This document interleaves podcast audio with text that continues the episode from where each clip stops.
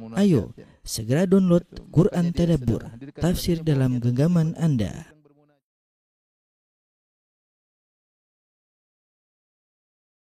Bismillahirrahmanirrahim. Assalamualaikum warahmatullahi wabarakatuh. Alhamdulillahi ala ihsani wa syukru lahu ala taufiqihi wa amtinani. Asyhadu an la ilaha illallah wahdahu la syarika lahu ta'ziman li sya'nih. Wa asyhadu anna Muhammadan abduhu wa rasuluhu da'ila ridwani. Allahumma salli alaihi wa ala alihi wa ashabihi wa ikhwani. Uh, ikhwan akhwat Masjid Asra yang dirahmati Allah Subhanahu wa taala. Pada kesempatan kali ini kita akan sama-sama membahas uh, sejarah singkat dari seorang sahabiyah yang mulia Asma bintu Abi Bakar radhiyallahu anhuma yang uh, seorang sosok wanita yang tangguh, hebat ya, sabar dalam menghadapi berbagai macam ujian. Uh, dan kita akan sebutkan bagaimana uh, kisah beliau Asma binti Abi Bakar radhiyallahu taala anhuma. Sebelum kita membahas tentang sebagian sejarah beliau, kita akan sebutkan dulu tentang nasab beliau. Ini sudah pernah saya singgung, tapi saya singgung lagi tentang ketika kita membahas ayahnya Abu Bakar radhiyallahu taala uh, anhu. Jadi uh, Abu Bakar Bakar radhiyallahu taala anhu uh, menikah dengan beberapa wanita ya, di antaranya dengan uh, Kutailah binti Abdul Uzza. Uh, kemudian uh, di antaranya dengan Asma binti Umais. Kemudian di antaranya nikah juga dengan Ummu Ruman. Kemudian di antaranya menikah dengan uh, Habibah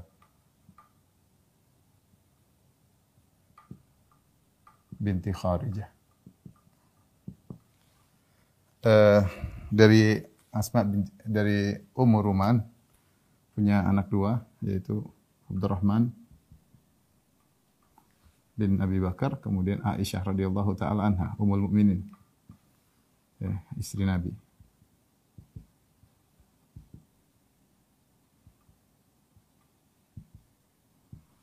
Uh, kemudian dari Qutailah binti Abdul Uzza, namanya Abdullah, kemudian Asma.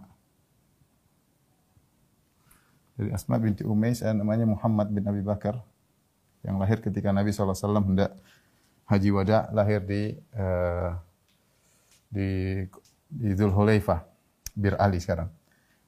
Habibah binti Khadijah, uh, anak namanya Ummu Kulsum.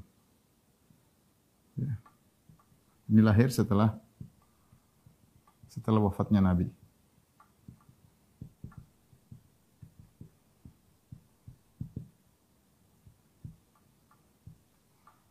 Baik. Asma, dari sini kita tahu Asma punya uh, beberapa saudara, Muhammad ya. Ada Abdullah. Abdullah ini siapa? Abdullah ini yang membantu Nabi ketika Nabi hijrah. Uh, Abdullah yang kalau malam dia tidur bersama Nabi dan Abu Bakar di goa uh, Jabal Thawr, goa Thawr. Kemudian siang harinya dia pergi ke Mekah mencari berita. Inilah Abdullah bin Abi Bakar ya kemudian Abdurrahman bin Abu Bakar, Aisyah, ya, Ummu Kulsum. Tapi Asma uh,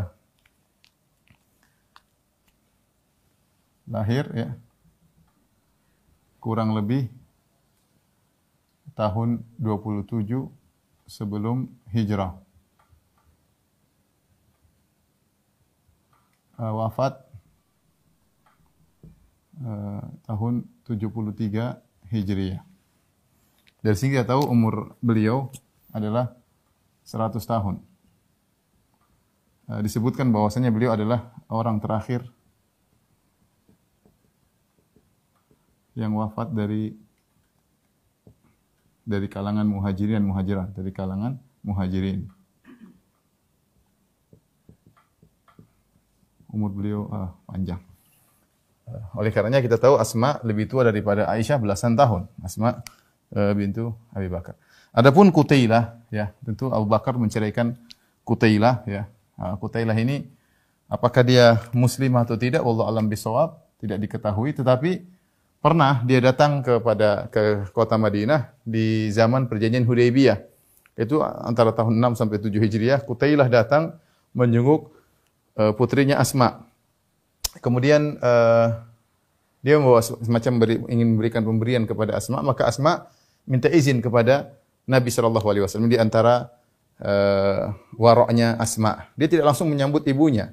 Dia tanya ya Rasulullah, Inna ummi atat wahya raghibah. Sungguhnya ibuku datang dan dia dalam kondisi ingin bertemu dengan aku. Ya. Afa asili, afa asilu ummi? Apakah aku menyambung silaturahmi dengan ibuku sementara dia musyrikah? Kata Nabi SAW, Naam, sili ummaki. Kata Nabi, iya, sambung silaturahmi dengan ibumu, Kutailah. Apakah dia akhirnya masuk Islam atau tidak? Sebenarnya mengatakan kalau dia bertahan sampai Fatum Makkah, harusnya dia masuk Islam. Tapi Allah alam bisawab. Yang jelas ketika dia bertemu dengan Asma bintu Abi Bakar di tahun sekitar 6 atau 7 Hijriah di zaman perjanjian Hudaybiyah, maka uh, dia masih dalam kondisi musyrikah. Maka turunlah firman Allah Subhanahu wa taala, "La yanhakumullahu 'anil ladzina lam yuqatilukum fid din wa lam yukhrijukum min diyarikum an tabarruhum wa tuqsitu ilaihim innallaha yuhibbul muqsitin." Sungguhnya Allah tidak melarang kalian uh, untuk berbuat baik dan berbuat adil kepada orang-orang kafir yang tidak memerangi agama kalian dan tidak mengusir kalian negeri kalian. Uh, sungguhnya Allah mencintai orang-orang yang berbuat uh, keadilan. Taib Asma e, menikah dengan Zubair ya. Zubair bin Awam. Taib Abu Bakar bapaknya siapa? Abu Bakar Abu Kuhafa. Abu Kuhafa. Abu Kuhafa masuk Islam belakangan ya. Jadi e, Asma ini bapaknya sahabat ya. Kemudian kakeknya juga sahabat, ya. suaminya Zubair bin Awam di masuk surga, saudara-saudaranya ada Abdullah, ada Abdurrahman, ada Aisyah istri Nabi Shallallahu Alaihi Wasallam, uh, keluarganya keluarga apa namanya, keluarga Islami, kakeknya juga uh, sahabat. Ya. Ketika menikah dengan Zubair bin Awam, uh, menikahnya sebelum hijrah, ya menikah sebelum hijrah.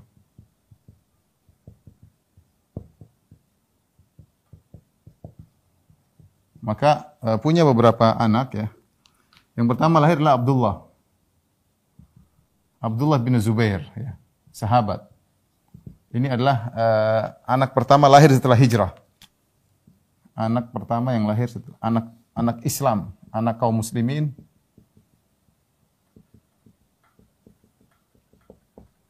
yang pertama lahir setelah hijrah. Dan ketika Abdullah bin Zubair lahir maka dibawa kepada Nabi wasallam maka Nabi mentahnik yang pertama kali masuk dalam mulut Abdullah bin Zubair adalah liur Nabi alaihi wasallam Abdullah ibnu Zubair. Kemudian ada anak laki-laki yang lain di antaranya ada Asim, ada Al-Munzir, eh, kemudian eh, ada Urwah. Urwah ini yang sering meriwayatkan hadis biasanya Urwah Abdullah bin Zubair. Ini laki-laki semua ya. Kemudian ada pun eh, yang perempuan, anak-anak wanita ada eh, Khadijah Al-Kubra. Kemudian ada eh, Ummul Hasan, ada Aisyah. Jadi dia punya empat anak laki-laki, kemudian tiga anak perempuan, semuanya dari Zubair bin Awam radhiyallahu uh, taala anhu. Dan kemudian akhirnya Asma dicerai oleh Zubair bin Awam radhiyallahu taala anhu. Kemudian dia pun tinggal bersama putranya Abdullah bin Zubair. Yang paling lah, terakhir lahir adalah Urwah. Lahir uh, di zaman Khalifah Umar. Umar bin Khattab.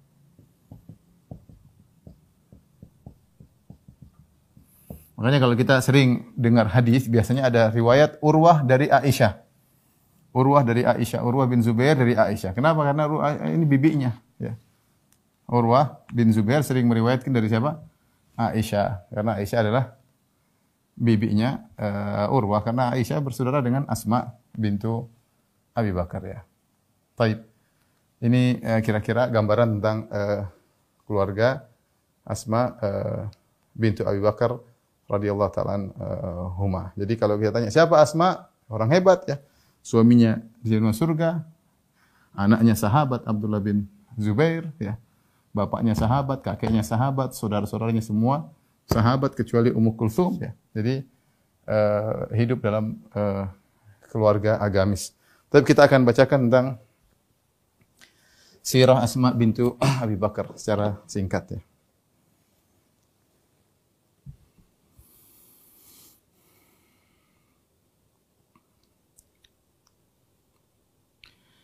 Asma bintu Abi Bakar radhiyallahu taala anha diberi gelar dengan Zatun Nitaqain. Zatun Nitaqain. Ya, nitaq yaitu adalah ikat. Ikat yang dipakai oleh semacam kain kecil yang diikat di pinggang seorang wanita di zaman dahulu dalam rangka untuk giat bekerja. Artinya kalau mereka mau kerja agak giat, roknya diangkat biar tidak melorot ke bawah sehingga dia bisa gerak dengan dengan gesit itu namanya nitaq. Ya dan beliau diberi gelar dengan Zatun lain. Diriwayatkan dalam satu riwayat bahwasanya Nabi menggelari dengan Zatun lain tapi riwayatnya kayaknya uh, tidak sahih. Tetapi para sahabat mengenalnya dengan Zatun lain. Pemilik uh, dua ikat pinggang ya. Kenapa bisa diberi gelar dengan Zatun lain? Karena ketika Nabi Shallallahu alaihi wasallam hendak berhijrah bersama ayahnya Abu Bakar maka yang menyiapkan makan adalah Asma. Ini perjalanan penentu bagaimana kelanjutan Islam ya dengan berhijrahnya Nabi SAW Abu Bakar menuju ke kota Madinah, maka ini awal dari berkembangnya Islam. Ya. Di antara yang berperan dengan sehingga terjadinya proses hijrah tersebutlah Asma bintu Abi Bakar. Ketika dia yang menyiapkan makanan buat ayahnya dan buat Nabi Alaihi Wasallam, dia siapkan makanan, kemudian dia tidak menemukan tali untuk mengikat makanan. Dulu kan makanan mungkin terbuat dari eh, kantong makanan terbuat dari kulit, sehingga butuh untuk diikat. Akhirnya tidak menemukan ikatan, akhirnya dia ambil tali tali pinggangnya, kemudian dia gunting jadi dua ya.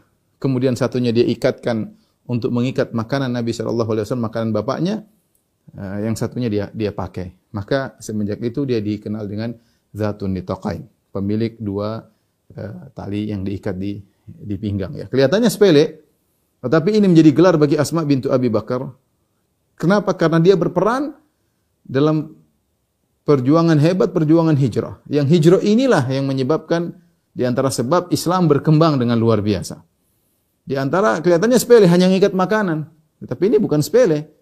Yang menyiapkan makanan dan mengikatnya untuk perjalanan Abu Bakar dan Nabi SAW adalah Asma bintu Abi Bakar. Ya, Asma bintu Abi Bakar radhiyallahu taala uh, anha. Ya. Kenapa ini perlu kita sebutkan nanti di akhir pembicaraan kita akan sebutkan bagaimana Al Hajjaj bin Yusuf mengejek Abdullah bin Zubair dengan mengatakan, "Ya bna zatin nataqain." Wahai Abdullah bin Zubair, putranya pemilik dua nitaq ya. Ngejek Abdullah bin Zubair. Padahal gelar zatun nitaqain pemilik dua tali pinggang adalah gelaran mulia bagi Asma binti Abi Bakar. Semua orang yang mendengarnya ingat bahwa dia punya peran besar terjadinya hijrah, menyiapkan makanan buat Abu Bakar dan Rasulullah sallallahu alaihi eh, wasallam. Uh, taib Asma binti Abi Bakar ketika setelah Rasulullah SAW uh, eh, pergi bersama Abu Bakar radhiyallahu anhu berhijrah, maka orang-orang Quraisy pun sibuk mencari Abu Bakar, mencari Nabi SAW. Mereka kehilangan Nabi SAW. Ketika mereka kehilangan Nabi SAW, mereka datang ke rumah Abu Bakar dan mereka tidak mendapati Abu Bakar. Mereka dapati Asma bintu Abu Bakar di rumah Abu Bakar sebagaimana diriwayatkan oleh Ibnu Hisham dari Ibnu Ishaq. Maka apa kata Abu Jahal bin Hisham ya dia pun berkata kepada uh, dia ber, berdiri di depan pintu rumah Abu Bakar.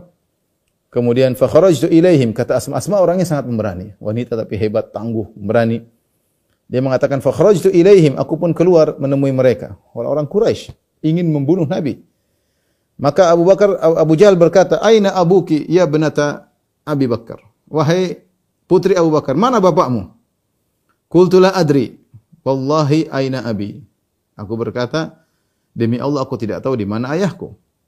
Farafa Abu Jahal yadahu wa kana fahishan khabithan falatama khaddi latmatan tarha minha quruti thumman sarafu. Maka Abu Jahal pun angkat tangannya kemudian dia tampar wajah uh, wajah Asma sampai anting-anting Asma lepas ya. Begitu kuat hantaman Abu Jahal. Tapi maksud saya lihat bagaimana Asma gigih, kuat, berhadapan dengan Abu Jahal. Dia keluar sendirian berhadapan dengan orang Quraisy meskipun akhirnya digambar oleh Abu Jahal. Al-La'in ya. Taib. Uh, tadi kita sebutkan bahwasanya di antara cerita tentang Asma bintu Abi Bakar, dia menikah dengan Zubair bin Awam. Zubair bin Awam ya, sepupunya Nabi sallallahu alaihi wasallam ya. Uh, Abu Bakar menikahkan Asma bintu Abu Bakar dengan Zubair bin Awam, seorang sahabat mulia yang kata Nabi wasallam, "Inna likulli nabiyyin hawariyan wa inna hawari Zubair bin Awam ya. Sungguhnya setiap nabi ada penolong khususnya dan penolong khususku adalah Zubair ibn Awam radhiyallahu taala anhu seorang yang sangat hebat yang dijamin masuk surga ya. Yang Nabi SAW mengatakan Abu Bakar fil jannah, Abu Bakar di surga, Umar di surga, Utsman di surga, Ali di surga, ya. kemudian di antaranya Abdurrahman bin Auf di surga, ya Zubair bin Awam fil jannah. Kata Nabi Zubair bin Awam di surga. Jadi Abu Bakar memilihkan bagi putrinya Asma seorang laki yang soleh, Zubair bin Awam ya. Uh, dan Zubair bin Awam seorang yang terkenal uh, pencemburu ya dan Asma mengerti tentang kondisi suaminya ya. Uh, Asma uh, cerita ya. Hadis ya, diriwayatkan dalam Sahih Bukhari, "Tazawwajani Zubair wa ma lahu fil ardi min malin wala mamluk." Ya. Uh, Zubair bin Awam ketika menikahiku adalah seorang yang miskin ya. Dia tidak punya apa-apa tidak punya harta, tidak punya budak, wala syai' ghairu nadhih wa ghairu farasihi. Dia tidak punya sesuatu kecuali ada seekor hewan, mungkin onta untuk mengambil air dan juga dia punya kuda. Fakuntu u'allifu farasahu wa astaqil ma. Maka aku dulu kerja bantu suamiku, aku ngurusi kudanya ya, ambil makanannya, aku ngambil air ya. Uh, kemudian uh, aku berusaha untuk apa namanya uh, membuat adonan roti walam akun uhsin ukhbiz wa kana yakhbizu jaratun li minal ansar. Aku tidak pandai buat buat roti tapi tetangga-tetanggaku bantu aku untuk buat roti. Wa kunna niswata sidqin dan mereka adalah tetangga-tetangga yang yang baik ya, yang jujur. Kemudian berkata wa kuntu anqulu nawa min ardi Zubair allati aqta'ahu Rasulullah sallallahu alaihi wasallam ala ra'si. Uh, dan aku uh, mengangkat biji-bijian ya dari tanahnya Zubair yang Rasulullah berikan buat Zubair yaitu sepertinya setelah sebagian ulama mengatakan setelah uh, terjadinya pengusiran Bani Nazir Rasulullah SAW mendapatkan sebagian tanah dibagi-bagikan di antaranya diberikan kepada Zubair bin Awam. Maka aku bantu aku ngangkat bantu Zubair aku ngangkat uh, biji-bijian ya di atas kepalaku wahya minni ala thulutsai faras farsakh. Dan jaraknya kira-kira ya 4 km kira-kira satu farsakh itu sekitar 5 km kalau 2 per 3 ya mungkin sekitar gitulah. Sekitar uh, mungkin 4 atau uh, 4 kiloan ya. Fajitu yauman wa nawa ala ra'si. Suatu hari, ini bolak-balik kerja tiap hari seperti itu. Pergi ngangkat makanan, pergi ke kudanya. Ini nurut sama suami. Ya, bantu suami. Suaminya enggak punya, orang miskin.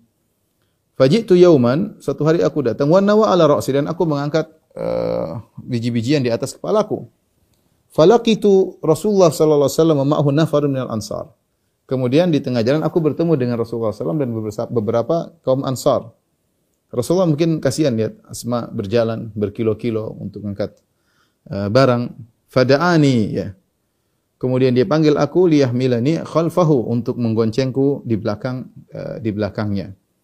Fastahyaitu an asira ma'ar rijal wa dzakartu Zubair wa ghairatahu wa kana aghyaran nas. Tadi dia udah capek jalan ya, capek jalan. Dia pingin dibonceng oleh Nabi sallallahu alaihi uh, wasallam untuk uh, berjalan ya. Uh, tetapi dia berkata, aku malu berjalan bersama rombongan laki-laki ya. Rasulullah kasihan dia, dia malu. Kemudian dia berkata, aku ingat Zubair suamiku dan bagaimana cemburunya. Aku khawatir dia cemburu kepadaku bersama karena aku jalan bersama Rasulullah SAW. Wa kana aghyaran nas. Dia laki yang sangat pencemburu. Fa arafa Rasulullah SAW anni qad istahyaitu. Rasulullah lihat aku kayaknya enggak enggak ada respect kata Rasulullah tahu aku malu, maka Rasulullah SAW pun jalan terus. Fajitu Zubair, kemudian aku datang kepada suamiku Zubair bin Awam, fakultu laqiyani Rasulullah SAW wa ala ra'si nawa. Ya, aku tadi bertemu dengan Nabi wasallam sambil aku sedang mengangkat uh, apa biji-bijian di atas kepalaku. Wa ma'ahu nafarun min ashabihi. Fa anakha li arkab. Dan dia tadi bersama dengan sahabat-sahabatnya. Kemudian dia tundukkan onta agar aku naik onta tersebut. Fas tahyaitu minhu wa araftu ghairataka. Dia cerita, ya, saya pun malu kepada Nabi dan saya ingat kau pencemburu. Ya, apa istri? Maksudnya menunjukkan dia menunjukkan kasih sayangnya kepada suaminya. Uh, dia ceritakan hal ini. Ini kan amal soleh. Maksudnya dia ingat kecemburuan uh, suaminya. Tapi dia cerita kepada Zubair bin Awam supaya suaminya lebih sayang. Ya. Saya tadi ingat kamu makanya. Ya. Sebenarnya saya mau naik nggak enak cuma serba salah. Ya, cuma saya ingat kamu pencemburu. Ya. Ya. Faqala apa kata Zubair bin Awam? Wallahi la hamlukan nawa hamlukin nawa kana ashadda alayya min rukubika rukubiki ma'ahu.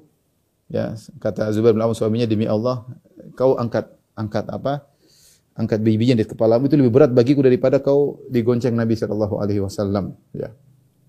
Artinya Zubair mengatakan tidak masalah selama itu bersama Nabi sebenarnya tidak jadi masalah. Lebih saya lebih berat melihat engkau angkat ini, angkat apa? angkat biji-bijian. Artinya Zubair memang terpaksa. Ya. Dia tahu dia juga tidak mau istrinya begitu. Makanya dia bilang, saya, dia bilang, saya lihat kamu ngangkat ini berat bagiku. Tapi ini ada keperluan. Saya tidak tahu kondisi apa yang buat akhirnya Asma binti Abi Bakar harus bekerja dengan demikian. Ya. Sementara suaminya pun uh, melihat hal itu berat bagi istrinya. Ya. Karena kita tahu asalnya para wanita dalam rumah, tapi dalam kondisi terdesak Asma harus keluar berjalan berkilo-kilo untuk ngurusi kudanya Zubair bin Awam. Mungkin Zubair bin Awam sedang sibuk yang lainnya. Qalat maka Asma berkata hatta arsala ilai Abu Bakar ba'da dzalika khadim yakfini siyasatal faras fa ka'annama a'taqani. Sampai akhirnya Abu Bakar radhiyallahu anhu ayahku mengirim kepadaku pembantu yang akhirnya mengurusi kudanya Zubair bin Awam. Maka saya sudah tidak capek-capek lagi ngurusin kuda harus jalan tiap hari berkilo-kilo ya. Kata Asma fa ka'annama a'taqani. Seakan-akan Abu Bakar telah memerdekakan aku dari perbudakan karena ternyata berat selama ini. Sampai Rasulullah mengatakan faka'an nama a'taqani. Seakan-akan Abu Bakar telah memerdekakan aku dari perbudakan. Artinya pekerjaan berat dijalani. Tapi lihat bagaimana wanita yang salehah ya. Eh, suaminya sulit ya, bersabar, harus bekerja, harus berjalan berkilo-kilo. Eh, saya rasa banyak wanita-wanita saleh di Indonesia seperti itu yang mungkin hebat-hebat, tegar, bantu suaminya ya, kerja keras ya, kondisi sulit kondisi pandemi dan yang lainnya ya. Semoga mereka menjadi wanita solehah dan diberi ganjaran besar di surga kelak. Taib. Uh, Zubair bin Awam seorang yang sangat pencemburu ya dan dia juga keras terhadap Asma ya. Dalam riwayat disebutkan Asma pun pergi kepada ayahnya Abu Bakar. Kemudian dia pun mengeluhkan tentang suaminya. Ya, suaminya begini, suaminya begini. Ya, apa-apa seorang wanita pergi ke uh, walinya untuk mendiskusikan urusan rumah tangganya ya karena yang mau nikahkan dia adalah bapaknya. Apa kata Abu Bakar? Ya bunayya isbiri wahai putriku sabarlah. Fa innal mar'ata idza kana laha zawjun salihun thumma mata anha falam tazawwaj ba'dahu jumi'a bainahuma fil jannah. Sabarlah engkau terhadap suamimu. Sungguhnya seorang wanita kalau punya suami yang saleh kemudian suaminya meninggal dan wanita tersebut tidak menikah lagi setelah itu, maka akan dikumpulkan oleh Allah mereka berdua di surga ya. Uh, inilah uh, Zubair bin Awam dengan Asma uh, bintu Abi Bakar. Tapi akhirnya akhirnya uh, di penghujung Zubair bin Awam menceraikan Asma bintu Abi Bakar. Adapun sebabnya ada beberapa riwayat tentang kenapa Zubair bin Awam menceraikan Asma disebutkan salah satunya bahwasanya terjadi pertengkaran ya antara uh, Zubair bin Awam dengan Asma ya akhirnya Asma berteriak manggil putranya Abdullah ya fa aqbala ilaiha maka Abdullah pun datang ingin menolong membantu ibunya karena dia manggil Abdullah ya uh, maka bapaknya mengatakan ummuki taliqun inda khalta wahai Abdullah bin Zubair wahai putraku, kalau kau masuk rumah ini, ibumu saya cerai. Ya, akhirnya Abdullah bin Zubair tetap masuk. Ingin membela ibunya atau menyelamatkan ibunya ya. Maka akhirnya jatuh talak ya. Jatuh talak akhirnya dirawat oleh putranya Abdullah bin Zubair eh, radhiyallahu taala anhu ya. Taib, eh, walhasil Asma bintu Abu Bakar kemudian menjalani kehidupan bersama putranya Abdullah bin Zubair. Dan Abdullah bin Zubair sebagaimana uh, kisah yang masyhur ya.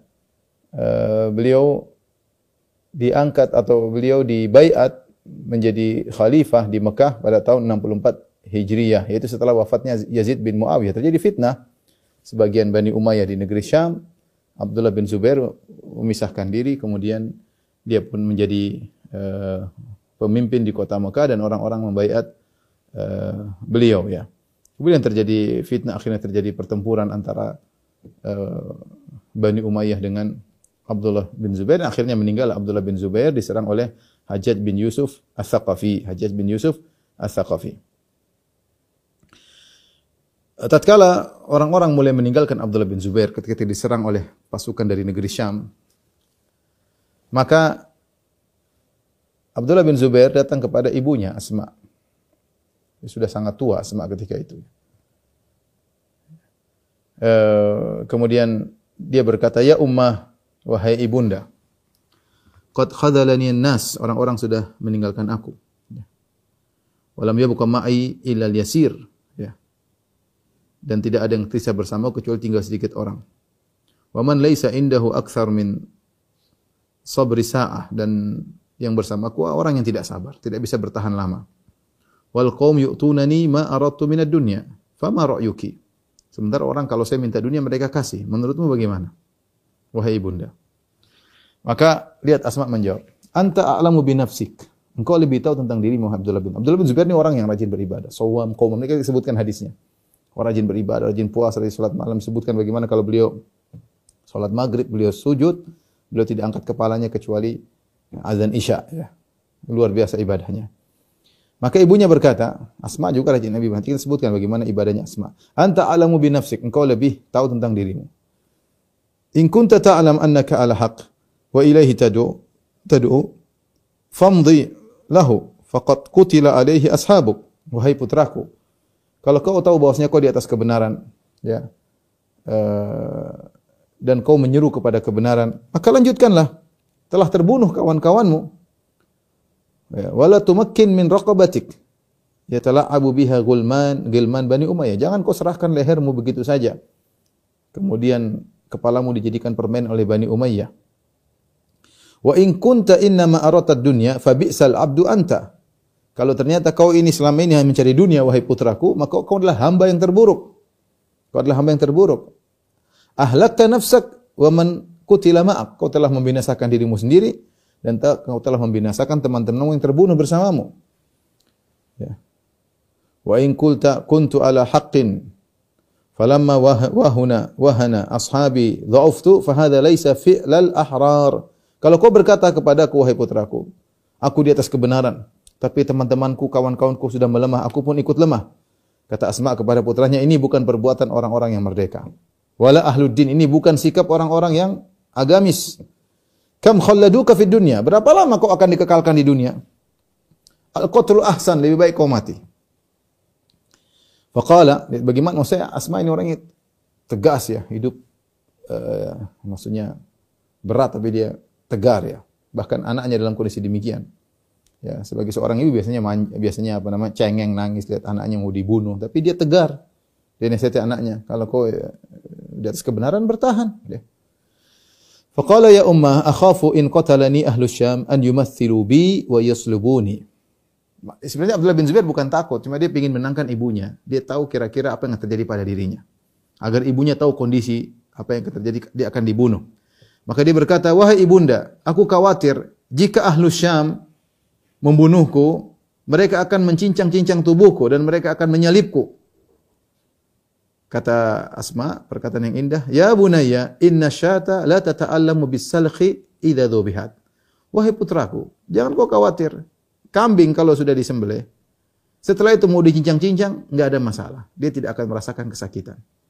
Ya, kalau sudah disembelih, kalau belum disembelih dicincang iya, tapi kalau sudah disembelih selesai, mau dicincang mau di nggak ada masalah. Kambing kalau sudah disembelih dia tidak akan merasa sakit meskipun di dikuliti ya.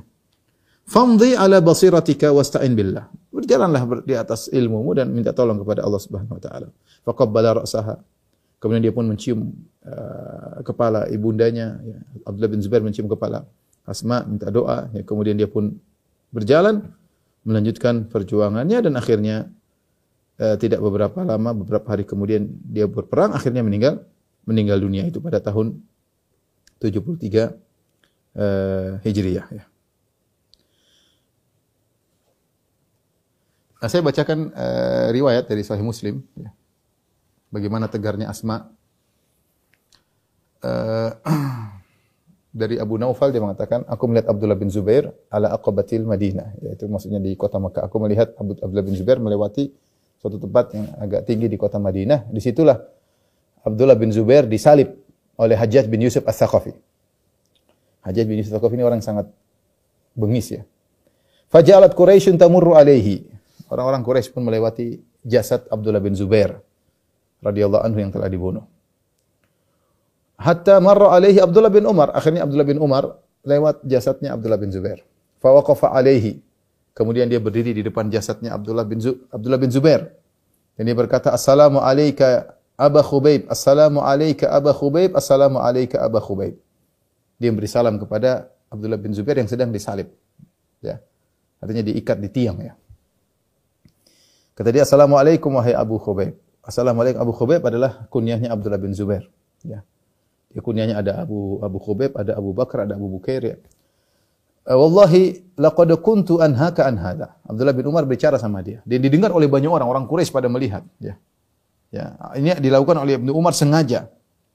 Kenapa? Karena ada isu bahwasanya Hajjaj bin Yusuf Ats-Tsaqafi mengatakan Abdullah bin Zubair ini musuh Allah, dikatakan munafik, dikatakan orang uh, bejat ya. Maka Abdullah bin Umar ingin membela Abdullah bin Zubair di hadapan banyak orang. Maka dia berkata, Assalamualaikum ya Aba Khubaib. Laqad kuntu anhaka an hada. Saya sudah larang engkau jangan kau lakukan ini. Wallahi laqad kuntu anhaka an hada. Aku sudah larang engkau untuk melakukan. Artinya Ibnu Umar mengatakan janganlah, jangan ribut, jangan berperang, tapi ya sekedarullah fitnah ya itu.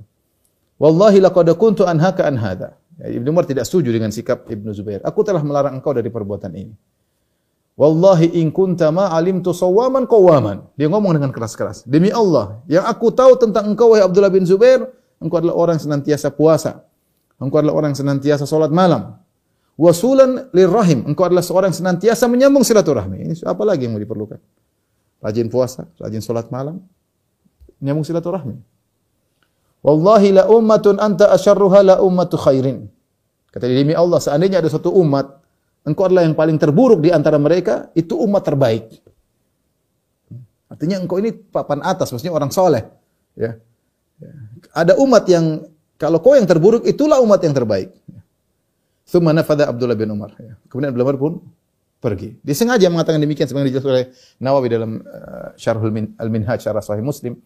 Dia ingin bicara depan keras-keras begitu agar ucapan dia membantah tuduhan Al-Hajjaj bin Yusuf Al-Thaqafi terhadap Abdullah bin Zubair bahwasanya dia adalah uh, munafik, dia adalah uh, musuh Allah ya. Ya, dia Abdullah bin Abdullah bin Umar memandang ini saudaraku muslim saya harus bela. Caranya demikian. Dia ucapkan kebaikan-kebaikannya di hadapan masyarakat. Fabalaghal Hajjaj mauqifu Abdullah dan benar dan ini menunjukkan keberanian Abdullah bin Umar. Dia tahu Hajjaj bin Yusuf Ats-Tsaqafi ini orang yang tukang bunuh, tidak peduli ya. Dia bunuh Abdullah bin Zubair, dia bunuh Sa'id bin Jubair, dia bunuh sahabat, dia bunuh tabi'in. Hajjaj bin Yusuf Ats-Tsaqafi ini. Uh, kemudian sampailah sikap Abdullah bin Umar ini kepada Hajjaj. Ya. Akhirnya faunzila ala jiz'ihi faunzila an jiz'ihi faulqiya fi quburil yahud. Kemudian dia turun ke Abdullah bin Zubair dari uh, mungkin pelepah korma atau pohon korma dari tiang lah dia turunkan.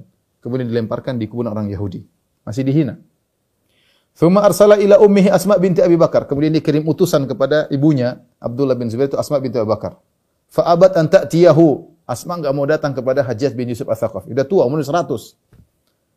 Fa'ada alaiha rasul. Maka utusan Hajjaj datang lagi. Dengan menekankan perintah Hajjaj, kamu harus datang ketemu Hajjaj. La ta'tiyanni aw la ab'athanna ilaiki man yashabuki bi quruniki. Kata Hajjaj bin Yusuf Ats-Tsaqafi, kau datang kepadaku, kalau tidak aku akan utus orang untuk menggeretmu di atas konde-kondemu, ditarik, dipaksa menuju Hajjaj. Subhanallah. Lihat Hajjaj kurang ajar yang ngomong sama Asma binti Abi Bakar, sahabiyah. Ini siapa? Orang baru kemarin sore. Sombong dan angkuh. Dia ngomong sama Asma binti Abi Bakar yang dengan di antara sebab terjadinya hijrah dengan bantuan Asma bintu Abu Bakar yang menyiapkan makanan buat Nabi dan Abu Bakar. Maka dia mengatakan dengan sombongnya, kalau kau tidak mau datang wahai Asma, aku akan kirim orang yang akan narik kepalamu dengan menggeret kondek-kondekmu ya, yaitu apa ini ya, kepang-kepang maksudnya kurunika itu maksudnya ini kepang-kepang rambut, kau akan ditarik. Qala fa'abat. Asma bintu Abu Bakar orang yang tegar. Dia tidak mau. Apa kata Asma? Wallahi la atika hatta tab'atha ilayya man yashabuni bikuruni. Aku sampaikan kepada Hajjaj bin Yusuf As-Saqafi. Aku tidak akan datang sama dia sampai dia utus orang tarik kepalaku kepada dia.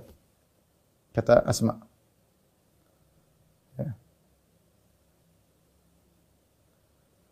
Akhirnya Hajjaj yang ngalah, dia pun datang menuju Asma. Ya.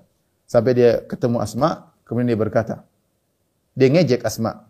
Kaifa ra'aitini sana'tu bi aduwillah. Bagaimana menurutmu hai Asma aku yang telah aku lakukan terhadap musuh Allah, maksudnya putramu. Jadi dia nuduh Abdullah bin Zubair sebagai musuh Allah. Asma jawab dengan tegar. Dia tidak nangis, tidak cengeng, tidak ya. Dia berkata, "Ra'aituka afsadta alaihi dunyahu." Menurutku, engkau telah merusak agamanya, yaitu agama putraku telah kau rusak. Eh, apa dunia dunia putraku telah kau rusak, kau telah bunuh dia selesai dunia putraku telah kau rusak. Wa afsada alaika akhirataka, tapi anakku telah merusak akhiratmu. Artinya dengan kau bunuh dia masalah besar di akhirat. Balagoni annaka taqulu. Sampai kepadaku kau bilang kepada putraku, kau ngejek putraku, kau berkata ya benadzati nitaqain.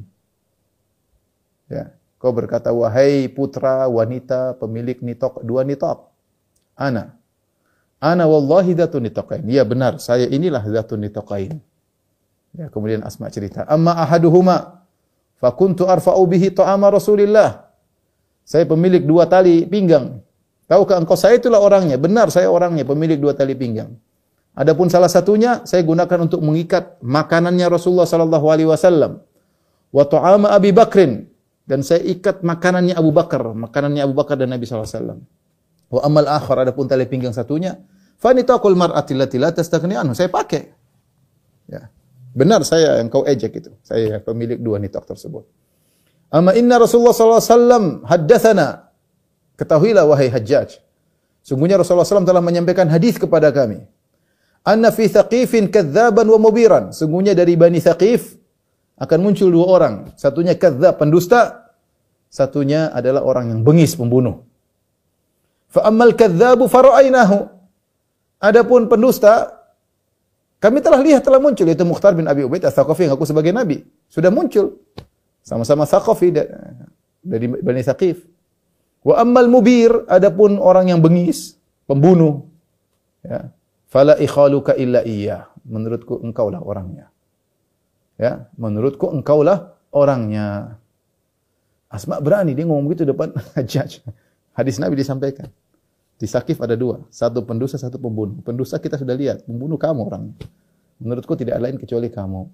Faqama ma'naha walam yuraji'ha. Maka Hajjaj pun yang begitu bengis, yang suka membunuh, tidak bisa berkata apa-apa, maka dia pun berdiri, dia tidak bantah kepada Asma dan dia pun meninggalkan Asma bintu Abi Bakar radhiyallahu taala anhuma ya.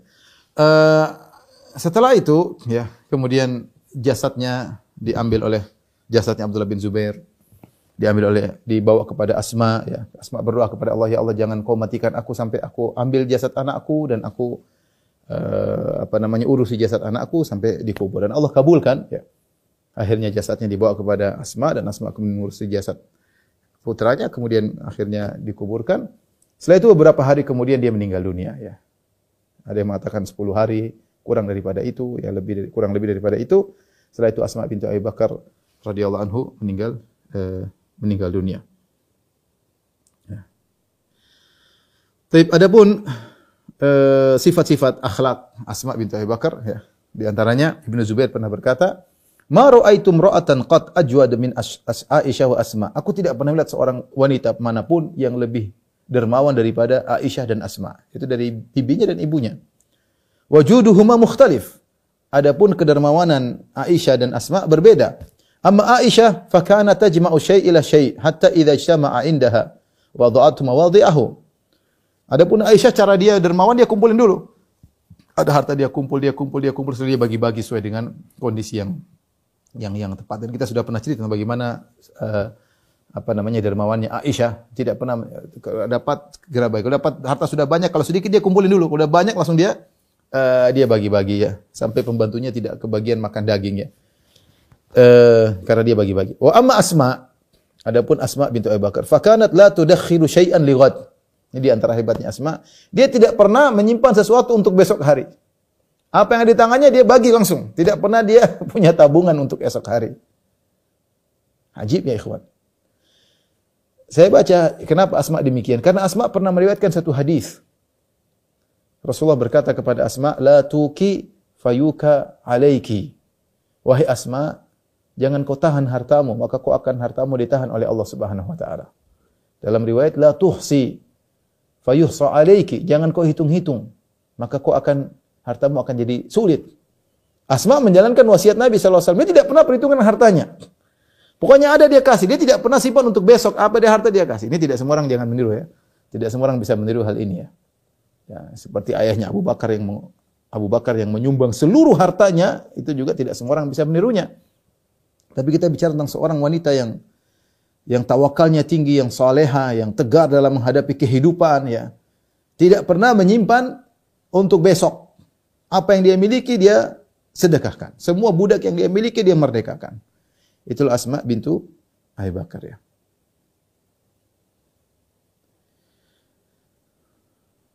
Kata Fatimah bintul Munzir, ya, mungkin ini cucunya, ya. Uh, inna Asma kanat tumarridul maradah fatu'tika kulla mamlukin laha. Asma membantu merawat orang-orang yang sakit, ya. Kemudian dia memerdekakan seluruh budak-budaknya. Dia pernah berkata kepada putri-putrinya dan keluarganya, Anfiqna wa tasaddaqna, berinfaklah dan bersedekahlah, wala tantadhirna al-fadl dan jangan uh, tunggu-tunggu ya. Ya, tunggu-tunggu. Pokoknya ada jangan tunggu sampai banyak dulu. Pokoknya ada kasih.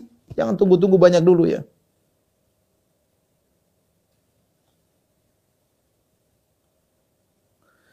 Diriwayatkan juga di antara ketakwaannya ketika dia pusing, kepalanya pusing radhiyallahu anha, dia letakkan tangannya di kepalanya dan dia berkata, "Badani wa ma yaghfirullahu aktsar." Dia mengatakan badanku sakit.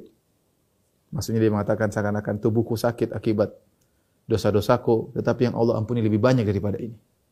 Luar biasa. Saya renungkan perkataan ini luar biasa. Dia mengatakan badani aku sakit dan ini akibat kesalahan-kesalahanku.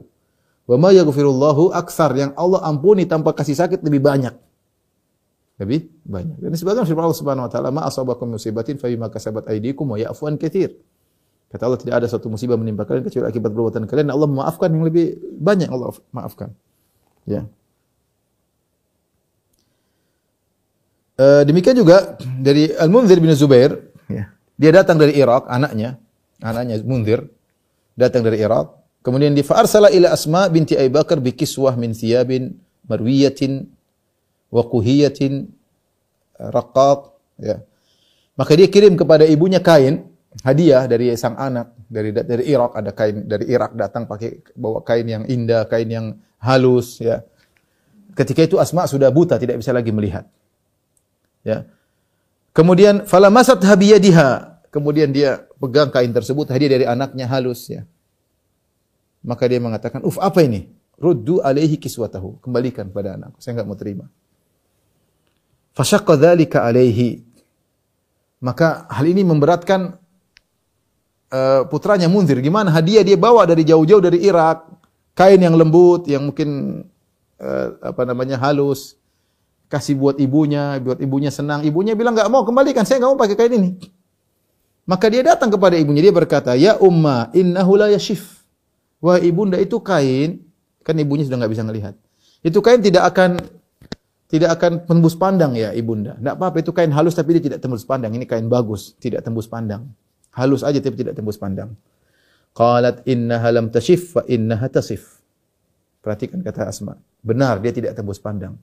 Tapi dia mensifati tubuhku. Kalau kain lembutkan jatuh akan terlihat lekukan tubuh. Saya enggak mau pakai. Fashtaralah thiyaban marwiyah ya. Uh, Uh, kemudian dia berikan pakaian yang lain mengatakan istilah ada faksuni seperti ini berikan baju seperti model ini. Pakaian biasa jangan jangan halus kemudian membuat bentuk uh, bentuk tubuh. Asma bintu Abi Bakar radhiyallahu taala uh, anhuma di antara uh, yang disebutkan uh, beliau meriwayatkan ya beberapa hadis ya ada kalau tidak salah 13 hadis yang disepakati oleh Abu Bakar eh, oleh Bukhari dan Muslim ada lima hadis. Jadi khusus uh, Sahih Bukhari dan Muslim ada beberapa hadis yang khusus Sahih Muslim. Uh, di antaranya uh, tentang hadis tentang salat gerhana ya. Kemudian juga uh, di antaranya yang diriwayatkan oleh Asma atau kisah tentang Asma tentang lempar jamarah uh, bagi wanita sebelum di Musdalifah sebelum boleh meninggalkan Musdalifah sebelum uh, pagi ya. Jadi ketika Asma bintu Abu Bakar di Musdalifah uh, kemudian dia tanya sama budaknya, dia sholat, sholat malam. Hal gharabal qamar kata dia apakah rembulan sudah terbenam? Belum, dia sholat malam lagi. Apakah sudah tenggelam? Belum, sholat malam. Kalau sudah tenggelam dia pun pergi lewat tengah malam dia pergi meninggalkan Muzdalifah, kemudian langsung melempar jamarat dan ini diperbolehkan bagi wanita-wanita untuk meninggalkan Muzdalifah uh, apalagi wanita sudah tua uh, sebelum uh, sebelum terbit matahari. Adapun laki-laki bertahan di Muzdalifah sampai uh, sampai terbit uh, matahari ya. Inilah uh, ikhwan dan akhwat yang rahmati Allah Subhanahu wa taala. Mungkin sedikit kisah yang bisa saya sampaikan tentang Asma binti Abi Bakar radhiyallahu taala anhuma semoga bermanfaat semoga para ibu-ibu bisa menjadi ibu-ibu yang tegar dalam menghadapi rintangan-rintangan kehidupan. Ya hidup ini cuma uh, sebentar yang penting kita bisa menjalani dengan takwaan kepada Allah Subhanahu wa taala. Demikian uh, kawan-kawan di Astra apa yang saya sampaikan kurang lebih saya mohon maaf yang benar datang dari Allah Subhanahu wa taala yang salah pribadi saya sendiri syaitan. Semoga Allah mengampuni kita semua. Uh, wabillahi taufiq walhidayah. Assalamualaikum warahmatullahi wabarakatuh.